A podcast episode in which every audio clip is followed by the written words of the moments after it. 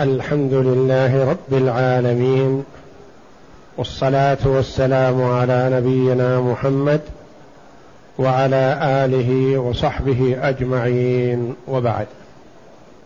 نعم. بسم الله الرحمن الرحيم.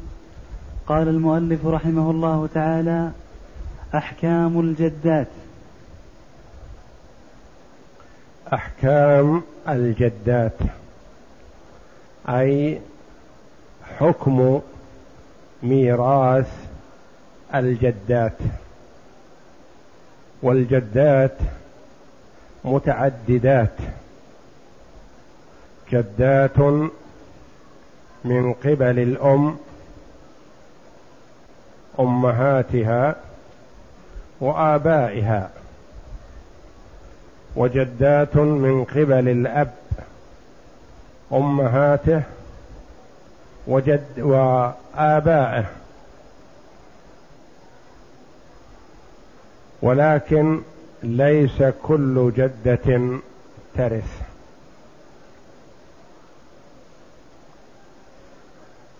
لا يرث من الجدات إلا أم الأم وإن علت.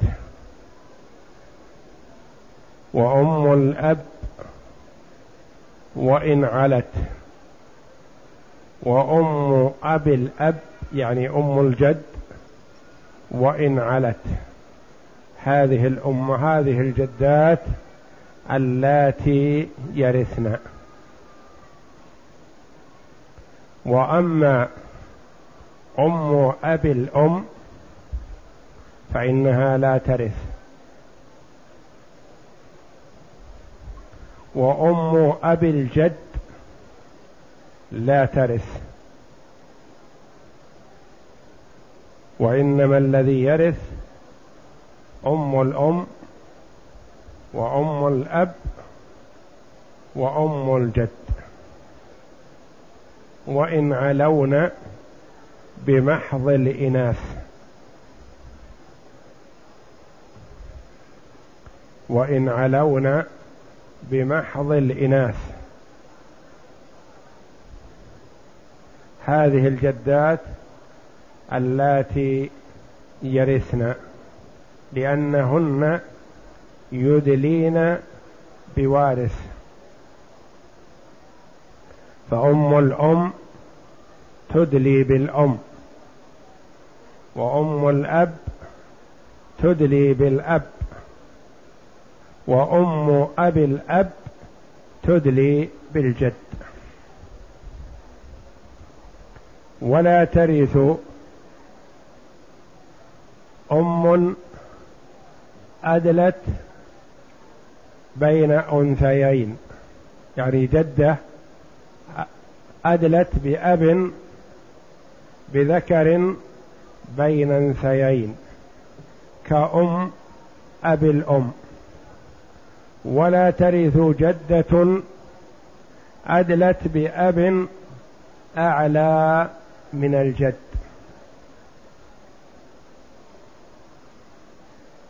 نعم. كم يرث من الجدات؟ وما الحكم إذا تساوين في الدرجة؟ ومثل لتساويهن؟ يرث عندنا ثلاث جدات. وهن أم الأب وأم أبي الأب وأم الأم. وإذا تساوين في الدرجة اقتسمن السدس بالسوية. إذا تساوين في الدرجة بالنسبة للميت اقتسمن السدس بالسوية. كيف تساويهن؟ أم أم أم. هذه واحدة. أم أم أب. هذه الثانية. أم أبي أب. هذه الثالثة. هؤلاء الثلاث متساويات. أم أم أم. أم أم أب أم أبي أب. درجتهن واحدة. بخلاف ما إذا صارت أم أم وأم أب وأم أبي أب. فهل هي المتساويات؟ لا. كم المتساوي منهن؟ اثنتان. والثالثة أعلى منهن فلا ترث معهن. أم الأم وأم الأب متساويات. وأم أب الأب يعني أم الجد أعلى منهم فلا ترث معهن. أم أم أم. وأم أب. وأم أب أب. ثلاث. من يرث منهن؟ أم أم أم. وأم أب. وأم أبي أب. يرث منهن واحدة وهي أم الأب. لأنها مقدمة عليهن. وأم أم أم. هذه أعلى فلا ترث.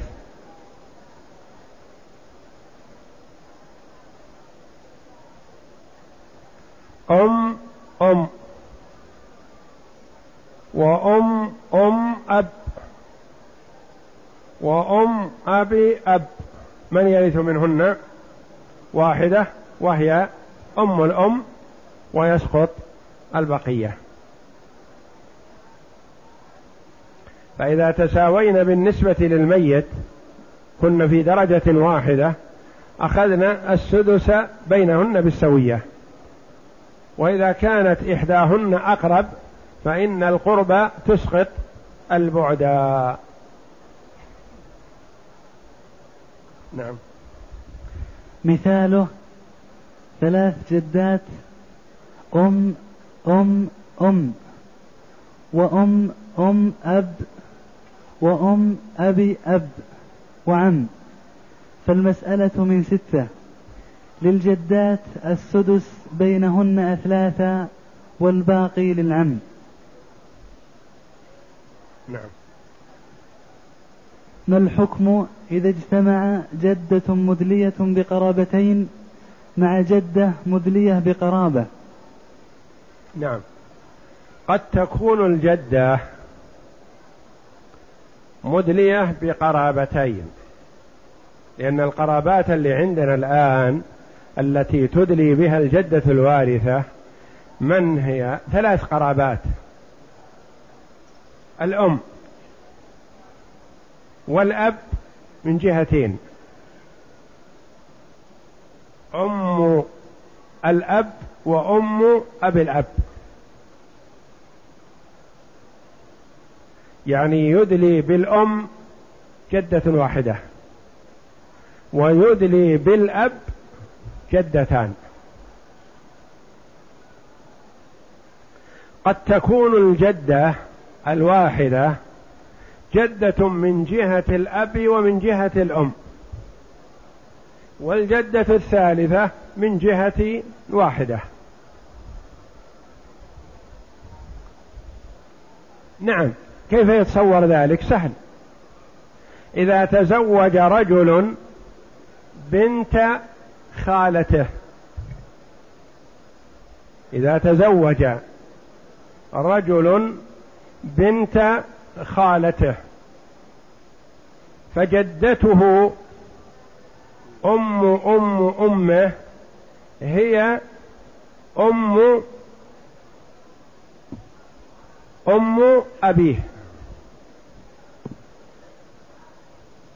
الولد الناتج عنهما إذا تزوج رجل بنت خالته فنتج منهما ولد.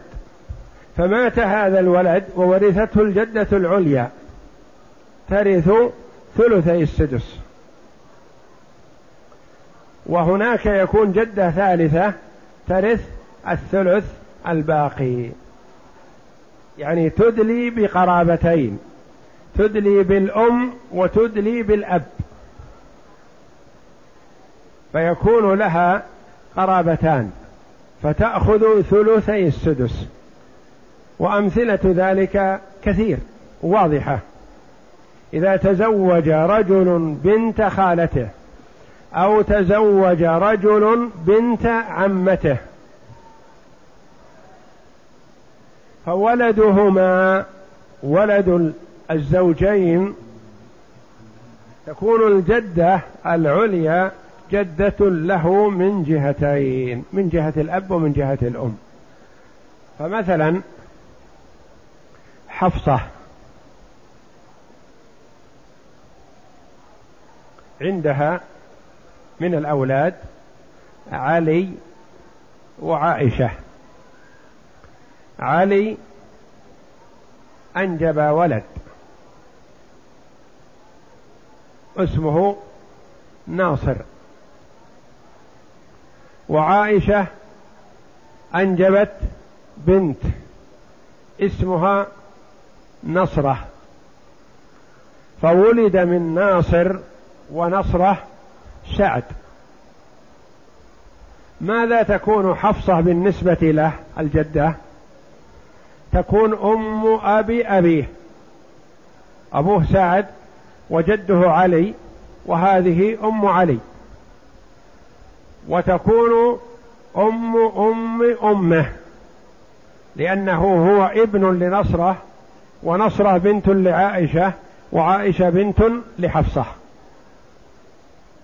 ثم تأتي جدة ثالثة أخرى تدلي بناصر الذي هو الأب. أم أم الأب. أم.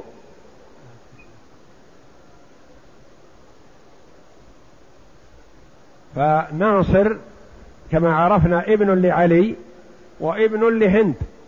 هند أمها فاطمة. فإذا مات سعد ولم يوجد له سوى الجدتين فاطمة وحفصة أخذت حفصة ثلثي السدس لكونها أدلت بجده علي وأدلت بجدته عائشة.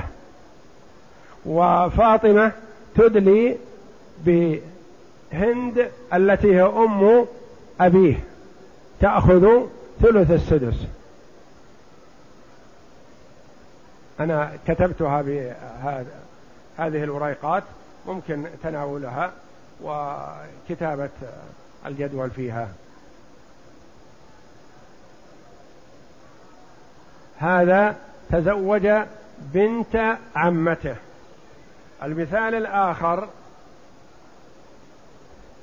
تزوج بنت خالته. حفصة أنجبت عائشة وسعاد أختان. عائشة أنجبت عبد الله وسعاد أنجبت دعد فتزوج عبد الله دعد بنت خالته. سعاد. فنتج منهما ولد اسمه علي. علي نسبته لحفصة الأولى. هي أم أم أمه. هي أم دعد. هي أم سعاد وسعاد أم دعد التي هي أم علي. وهي تكون أم أم أبيه. لأنها حفصة أم عائشة وعائشة أم عبد الله وعبد الله وعبد الله والد علي. ثم لعبد الله مثلا جدة أخرى هي أم أبيه لأن حفصة أم أمه وأم وأبوه محمد وجد وأمه هند. فهند هذه وحفصة بالنسبة لعلي تكون حفصة أم أم أمه وأم أم أبيه وتكون هند أم أبي أبيه. ما الحكم إذا اجتمع جدة مدلية بقرابتين مع جدة مدلية بقرابة؟ إذا أدلت الجدة بقرابتين ورثت ثلثا السدس. ورثت ثلثي السدس يعني أخذت ثلثي السدس. نعم. اذكر من يسقط من يسقط الجدة وهل الأب والجد يسقطان الجدة المدلية بهما؟ من الذي يسقط الجدة؟ يسقطها شخص واحد وهو الأم. عندنا قاعدة في الفرائض. من أدلى بواسطة حجبته تلك الواسطة. إلا ولد الأم وأم الأب وأم أبي الأب. أم الأم تسقطها الأم. لكن أم الأب وأم أبي الأب هي أدلت بالأب وأدلت بأبي الأب فلا يسقطانها.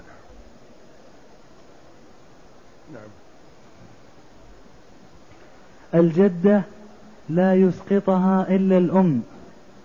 وكذا كل جدة قربى تسقط الجدة البعيدة. نعم هذا في كل شيء. القريب يسقط البعيد فالأب يسقط الجد والجد يسقط أبي الجد وأبو الجد يسقط جد الجد وهكذا. سواء كانت من جهة الأم أو من جهة الأب. خلافا للمالكية والشافعية فإن عندهم القربى من جهة الأم تسقط البعد من جهة الأب لا العكس. المالكية والشافعية يقولون الجدة القربى تسقط الجدة البعدى إلا إذا كانت القربى من جهة الأب والبعد من جهة الأم فإن القربى من جهة الأب لا تسقط البعد من جهة الأم. لما يرحمكم الله؟ قالوا نعم لأن الجدة من حيث هي ورثت بالأمومة. ورثت بالأمومة. فعندنا أم أم أم ثالث ثلاث. وعندنا أم أب. قالوا أم الأم وإن كانت بالدرجة الثالثة فهي من القوة بحيث لا تسقطها أم الأب وإن كانت أقرب منها. لأن هذه معها أمومة كاملة. أم أم أم. ما تغير ما تنقلب إلى أب. بخلاف أم الأب به جاءت من جهة الأبوة. والأصل ميراث الأموم الجدة من جهة الأمومة. فهذه معها الأصل ومعها القوة. فلا نسقطها بأم الأب. وإنما نسقط أم الأب بها إذا كانت أنزل منها. إذا كانت أم الأم أنزل من أم الأب أسقطتها لأن تلك ضعيفة. فتسقطها أم الأم للقوة. إذا تساوت معها شاركتها. لكن إذا كانت أم الأم أقرب أسقطت أم الأب. وإذا كانت أم الأب أقرب قالوا لا تسقط أم الأم لأن أم الأم معها القوة والأمومة. نعم. وعندنا عند الحنابلة أن كل جدة قربى تسقط البعد من أي جهة. وهذا أقرب إلى النسق حيث أن كل قريب يسقط البعيد. فالأخ يسقط ابن الأخ. ابن الأخ يسقط ابن ابن الأخ. ابن العم يسقط ابن ابن العم. وهكذا. الأب يسقط الجد والجد يسقط أب الجد وأبو الجد يسقط جد الجد وهكذا. فأم الأم تسقط أم الجد مثلا. أم الأم تسقط أم أبي الأم. أم أبي الأم هذه لا ميراث لها أصلا لأنها من ذوي الأرحام. لأنها أم لأنها جدة أدلت بذكر بين أنثيين هي أحدهما. فقالوا في الجدات الحنابلة كل جدة قربى تسقط الجدة البعدا أم أم أم أم. أربع مرات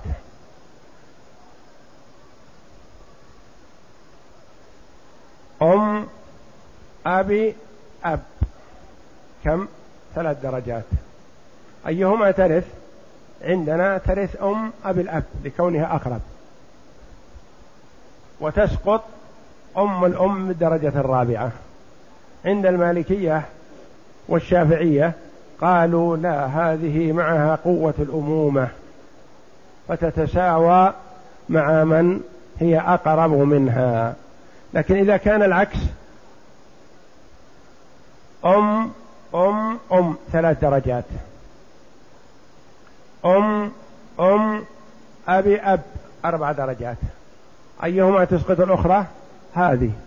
أم الأم تسقط أم أبي الأب المرتفعة.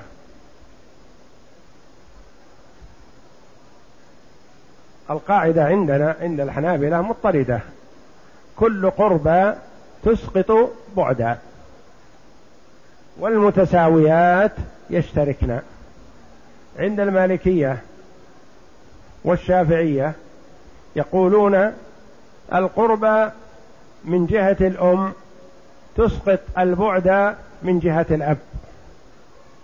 والبعد من جهة الأم لا تسقطها القربى من جهة الأب. وعرفنا أنه يرث من جهة الأم جدة واحدة ويرث من جهة الأب جدتان. نعم. وأما الأب والجد فلا فلا يسقطان الجدة المدرية بهما عندنا خلافا خلافا للأئمة الثلاثة. الأئمة الثلاثة يقولون أم الأب وأم الجد لا ترث معهما. يقولون من أدلى بواسطة حجبته تلك الواسطة.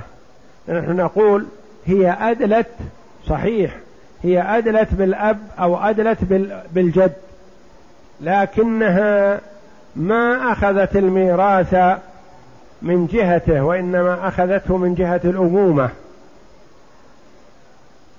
وعندنا مثال لهذا متفق عليه في نص القرآن. وهو ولد الأم. الأخ لأم من أين أدلى؟ أدلى بالأم ويرث معها. ولا تحجب ولا أحد يستطيع يقول إن الأم تحجب الأخ لأم لأنه منصوص عليه في كتاب الله جل وعلا. فنحن نقيس ميراث الجدة من قبل الأب والجدة من قبل الأب الأب مع الأب ومع أب الأب بولد الأم المنصوص عليه في كتاب الله. لأن ولد الأم ورث بالأخوة ولم يرث بالأمومة. فأم أب الأب وأم أب وأم أم الأب ورثن بالأمومة والجدودة من جهة الجدة من جهة الأم. فلا يسقطهما ابنهما. نعم. ما هي الجدة الفاسدة؟ السؤال هذا. اذكر من يسقط الجدة وهل الأب والجد يسقطان الجدة المدلية بهما؟ الجدة لا يسقطها إلا الأم. وكذا كل جدة قربى تسقط الجدة البعيدة سواء كانت من جهة الأم أو من جهة الأب. خلافا للمالكية والشافعية فإن عندهم القربى من جهة الأم تسقط البعد من جهة الأب لا العكس. وأما الأب والجد فلا يسقطان الجدة المدلية بهما عندنا خلافا للأئمة الثلاثة. ما هي الجدة الفاسدة؟ هناك جدة قريبة من الميت وتسمى جدة فاسدة يعني لا ترث. من هي؟ نعم.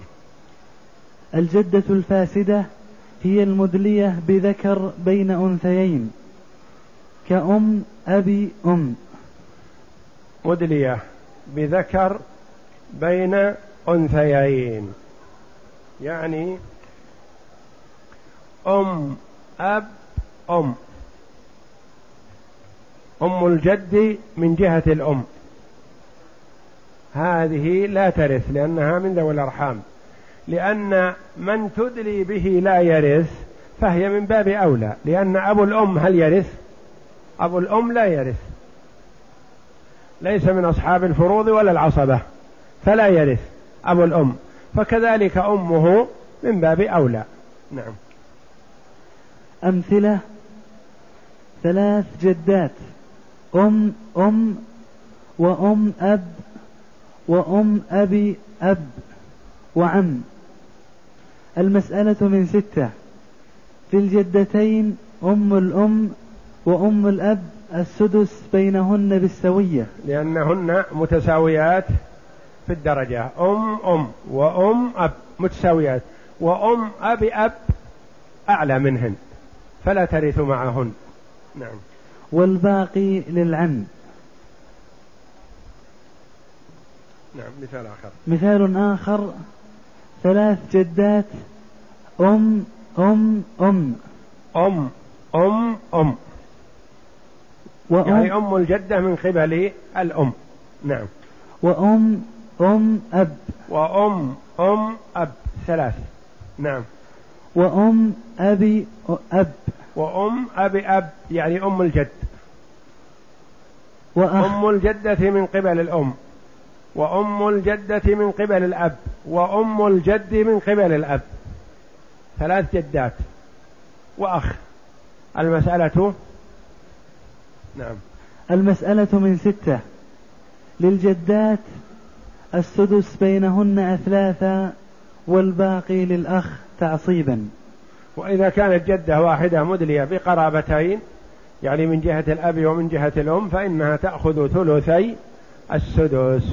والثلث الآخر للمدلية بقرابة واحدة.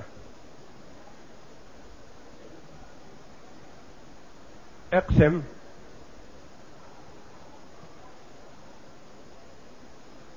هلك هالك عن أم أم وأم أم أب وأم أبي أب أم أم وأم أم أب وأم أبي أب وأخ شقيق. المسألة من ستة. لأم الأم السدس واحد والباقي للأخ.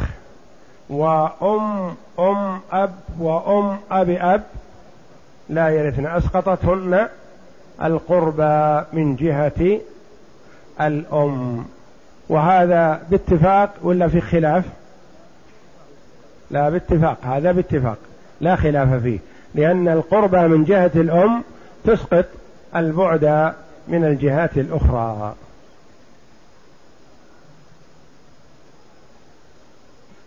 اقسم. أم أم أم.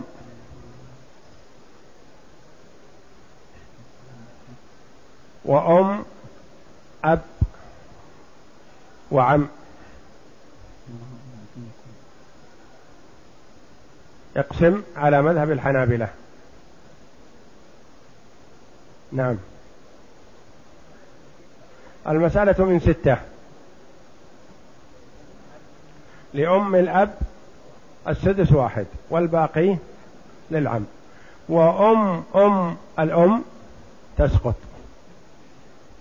اقسم على مذهب المالكية. المسألة من من ستة. للجدتين السدس يشتركن فيه. لأن أم الأم وإن كانت أعلى إلا أنها لا تسقطها القربى من جهة الأب فيشتركن بالسدس ويأخذ الباقي العم.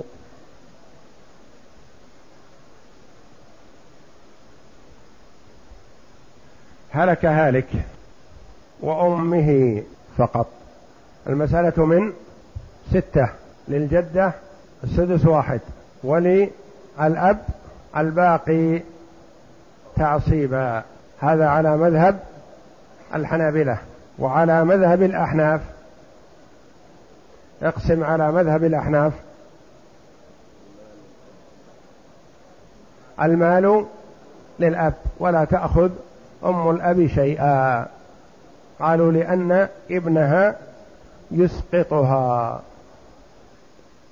اقسم هلك هالك. عن أب وأم أبيه. عن أب وأم أبيه. المسألة من ستة. لأم الجد السدس واحد والباقي للأب. عن أب وأم أبيه. للأب على مذهب حنابلة وعلى مذهب المالكية. هذه الجدة لا ترث لأنها أدلت بأبي الأب فحجبها الأب. وهي في الحقيقة جدة وجاءت من جهة الأمومة فهي تأخذ السدس. هلك هالك عن أخت شقيقة وأخت لأب وأخت لأم وجدة. المسألة من ستة. للأخت الشقيقة النصف ثلاثة والأخت لأب السدس واحد والأخت لأم السدس واحد والجدة السدس واحد. هلك هالك عن ثلاث جدات متساويات.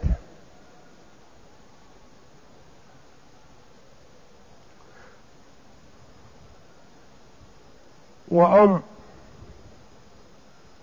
وأخت لأم وأخت شقيقة وعم. ثلاث جدات متساويات. وأم وأخت لأم وأخت شقيقة وعم.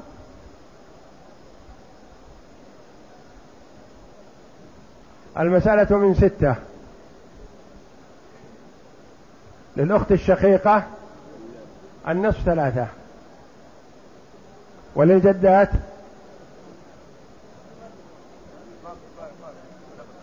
لا شيء.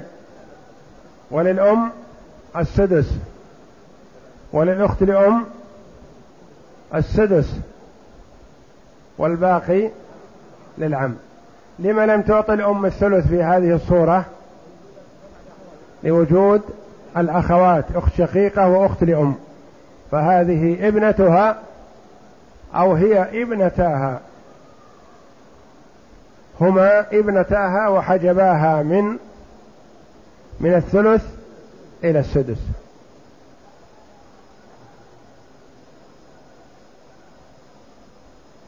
هلك هالك. عن أم أم.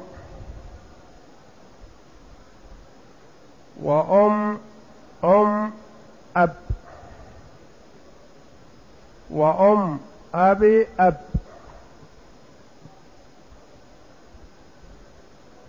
وأخت لأم وأخت لأب.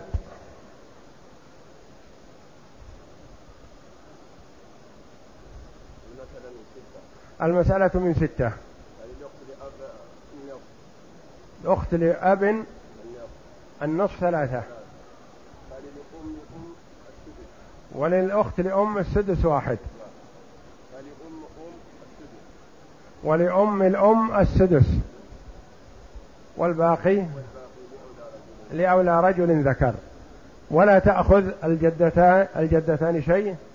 لا تأخذ شيئا لأن أم الأم حجبتهما.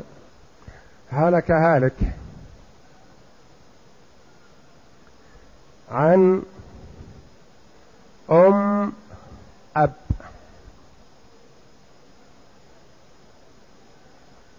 وأم أم أم.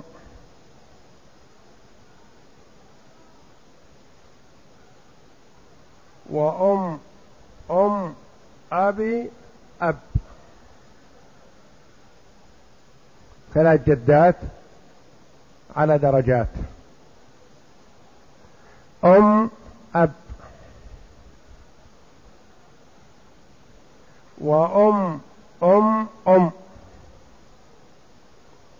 وأم أم أبي أب. بدرجتين وثلاث درجات وأربع درجات. وعم. المسألة من ستة. نعم.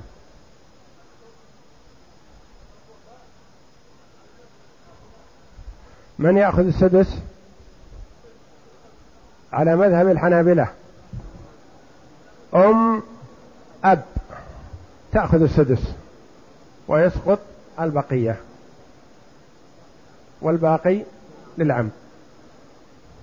على مذهب الشافعية.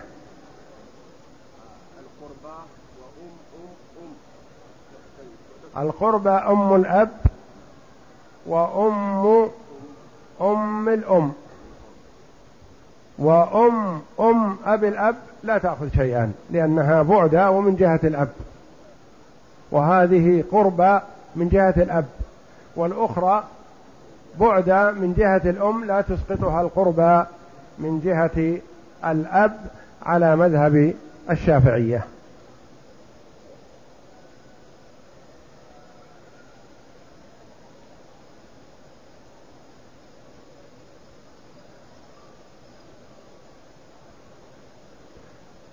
من يتصور اجتماعهم من أهل السدس؟ أهل السدس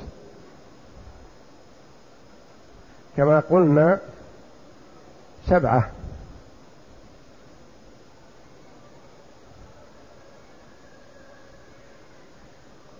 الأب أولا الأب من يجتمع معه؟ تجتمع معه الأم و والجدة.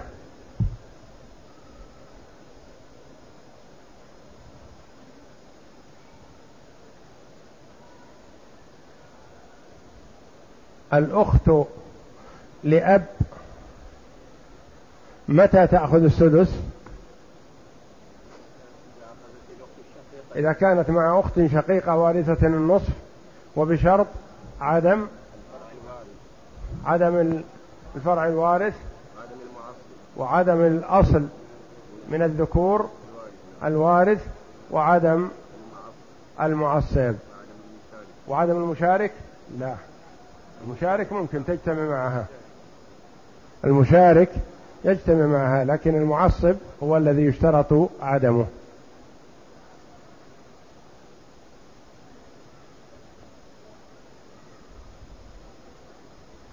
هالك عن جد وجدة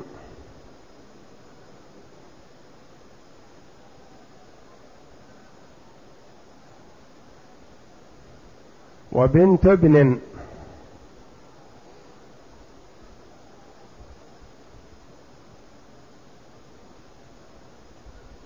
وأخ لأم.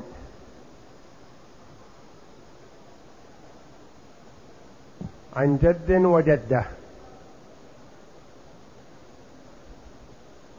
وبنت ابن وأخ لأم. من ستة. فللجد السدس واحد. للجد السدس واحد. فلبنت ابن النصف. ولبنت الابن النصف ثلاثة. وللجدة السدس واحد. وللجدة السدس واحد. والباقي للجد تعصيب الباقي للجد. للجد يأخذه تعصيبا. والباقي للجد يأخذه تعصيبا.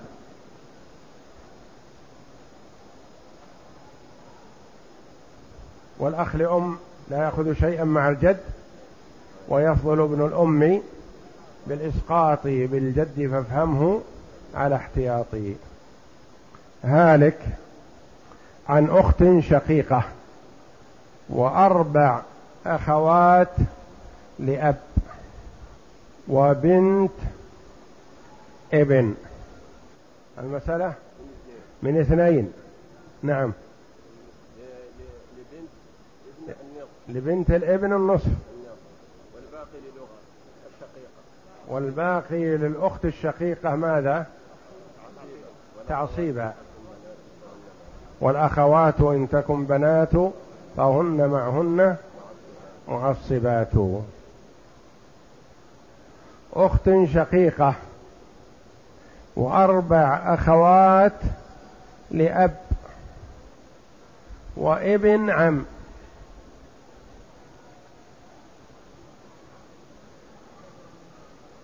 المسألة من ستة. للأخت الشقيقة النصف ثلاثة. وأربع الأخوات لأب لهن السدس تكملة الثلثين. والباقي لابن العم. والله أعلم. وصلى الله وسلم وبارك على عبده ورسول نبينا محمد وعلى آله وصحبه أجمعين.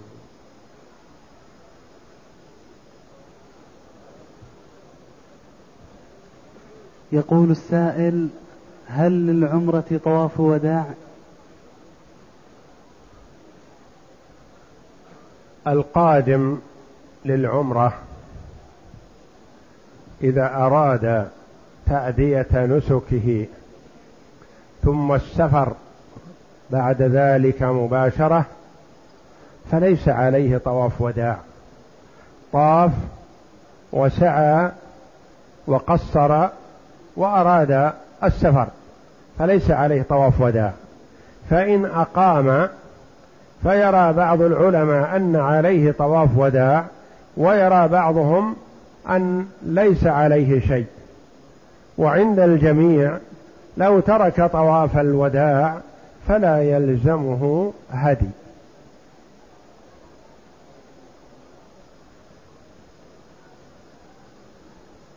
هذا الذي يقول إنه أصيب بحادث منذ ثمان سنوات ونتيجة لذلك لا يستطيع التحكم في الخارج ويشق عليه ولا يستطيع الوضوء ولا التيمم الشلل الذي أصيب به. الله جل وعلا يقول فاتقوا الله ما استطعتم فعليه أن يتقي الله ما استطاع ولا يكلف الله نفسا إلا وسعها. والتيمم أو الوضوء ممكن أن يستعين بغيره. إذا كان لا يستطيع أن يتوضأ بحركة يديه وممكن أن يستعين بغيره. وكذلك إذا كان لم يوجد عنده ماء أو يشق عليه استعمال الماء ويمكن أن يتيمم فيتيمم كذلك بمساعدة غيره. وكذلك استقبال القبلة. يقول لا أستطيع استقبال القبلة يمكن أن يوجه إلى القبلة فكل شيء ممكن أن يستعين بغيره فعليه ذلك. فإذا لم يستطع شيئا من ذلك فالله جل وعلا يقول فاتقوا الله ما استطعتم. ويقول إنه قد يخرج منه الخارج وهو في أثناء الصلاة فلا حرج عليه في هذا ما دام لا يستطيع إلا ذلك. فالله جل وعلا يقول فاتقوا الله ما استطعتم.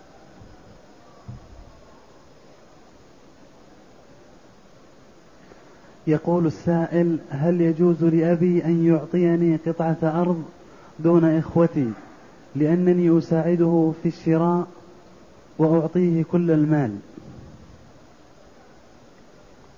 لا يجوز للوالد أن ينفل بعض ولده في الهبة والعطية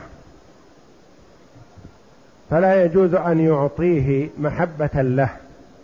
دون إخوته.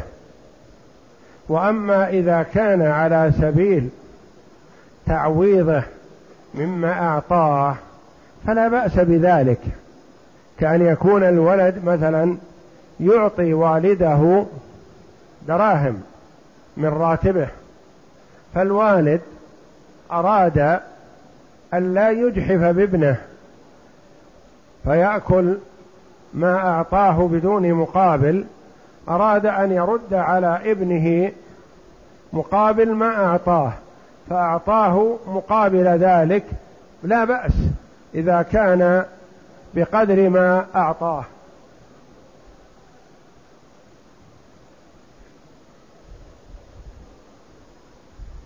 يقول السائل كنت على كبيرة من الكبائر وتبت ولكن ما زلت في وساوس فهل أسلم نفسي للشرع؟ ما دام أنك تبت فأبشر بالخير إن شاء الله. أحسن العمل في المستقبل. ولا توسوس لك نفسك فيما مضى. فالله جل وعلا حث على التوبة ليقبلها. وقال للكفار آمرا لهم بالتوبة. فإذا تاب المرء من كفره تاب الله جل وعلا عليه. فكذلك إذا تاب من كبائر الذنوب فإن الله يتوب عليه. وإذا كانت هذه الكبيرة تتعلق بحق الغير من مال ونحوه فأعد المال إلى صاحبه أو استحله. ويقول السائل هل يجب على زوجتي أن تخدم والدي؟ الجواب لا يجب عليها في أصل الشرع أن تخدمهم وإنما الحق الذي عليها لزوجها. وأما لأقارب زوجها فمن باب المعروف والإحسان والبر مأمور به شرعا لكن لا يلزم. يقول السائل توفي والدي يرحمه الله ونحن أولاد وبنات وأنا الذي قمت بتوزيع الورث لإخواني وأخواتي. وقبل أن نوزع الورث توفي واحدة من أخواتي وباقي لها المبلغ عندي من الورث وهي تركت ولد وزوج. فهل نسلم المبلغ للولد وأبوه؟ لا شك أن من ورث من أبيه أو من مورثه مالا ثم مات قبل أن يأخذ نصيبه فإنه يورث عنه. فمثلا إذا توفي الأب عن أولاده بنين وبنات ثم توفيت إحدى البنات عن ابنها وزوجها فإن ابنها وزوجها يأخذون نصيبها من ميراثها من أبيها. بخلاف ما إذا توفيت قبل أبيها فإنه ليس لولدها من ميراث جده شيئا. يقول السائل توفيت والدتي وكانت ناوية العمرة ولم تعتمر. فهل يجوز أن أقضي عنها عمرتها بعد وفاتها؟ نعم يا أخي إذا اعتمرت عن أمك فحسن والعمرة المشروعة أخي هي التي تقدم بها أنت إلى مكة. وأما وأنت بمكة فلا يحسن أن تخرج للإتيان بعمرة أخرى. يقول السائل هناك زوجة لم تنجب أطفال وتملك شقة ولها أخ وأخت وتريد أن تكتب هذه الشقة لابن زوجها تقديرا لرعايته لها وتقديرا له. فإن فعلت ذلك تكون خالفت الشرع. هذه المرأة لا يخلو. إن قصدت حرمان الورثة من الميراث وأرادت أن تعطي الشقة هذه لابن زوجها حرمانا لأخيها وأختها فهي آثمة ولا يحل لها ذلك. وأما إذا كان هذا الابن لزوجها يقوم عليها ويبر بها ويحسن إليها وتكفل بها وأرادت أن تعطيه هذه الشقة في حال حياتها وصحتها مكافأة له على إحسانه إليها فلا بأس عليها بذلك لأنها في حال صحتها يجوز لها أن تتصرف في مالها بما شاءت. تهب هذه الشقة لزيد أو لعمر أو توقفها أو تبيعها تتصرف في مالها فهي أعطتها لابن زوجها مكافأة له فلا بأس بذلك. وأما إذا أوصت بها من بعدها لابن زوجها فلا تنفذ الوصية إلا في الثلث إلا إذا أجاز الورثة الوصية. فالوصية لا تنفذ بأكثر من الثلث لا تنفذ في الشقة كلها إذا لم يكن لها سواها. يقول السائل ما معنى مدلية في قوله مع جدة مدلية بقرابة. بقرابة أو بقرابتين. مدلية يعني الجد أدلى بمن؟ أدلى بالأب. الجدة أدلت بمن؟ بالأم. يعني الوسيلة التي وصلت إلى الميراث بسببها. ابن الابن أدلى بمن؟ بالابن وهكذا. جدة أدلت إلى هذا الميت بكونها أم أم أمه وأم أم أبيه مثلا. أم أمه وأم أبيه مثلا. أم أم أمه وأم أبي أبيه وهكذا. يعني هذه أدلت بهذا الرجل. وما معنى الأمومة؟ الأمومة يعني مثل ما تقول الأبوة. الأبوة وش معناها؟ يعني أدلى بالأبوة أدلى بالأمومة يعني بالأم أدلى بالأخوة أدلى بالأخ وهكذا. يعني هذه أنواع القرابات الأبوة والأمومة والأخوة والعمومة ونحو ذلك. نعم. يقول السائل أديت العمرة بالأمس عن نفسي هل يمكن أداء العمرة عن والدي المتوفى؟ ما دمت يا أخي دخلت مكة بعمرة فلا يحسن أن تخرج للإتيان بعمرة أخرى. فإن سافرت إلى مكان قريب أو بعيد وأدى ورغبت في العودة إلى مكة فتعود إليها بعمرة عمن شئت. يقول ما هو أيسر كتاب يمكن أن يبتدأ به في دراسة علم الفرائض؟ كثير والحمد لله. في عندك عدة الباحث الشيخ عبد العزيز بن رشيد رحمه الله وعندك الرائد في علم الفرائض وعندك آه، الفوائد الجلية للشيخ عبد العزيز بن باز وعدد من كتب الفرائض كلها ميسرة وسهلة لعلمائنا ومشايخنا رحمهم الله. والله أعلم وصلى الله وسلم وبارك على عبد ورسول نبينا محمد وعلى آله وصحبه أجمعين.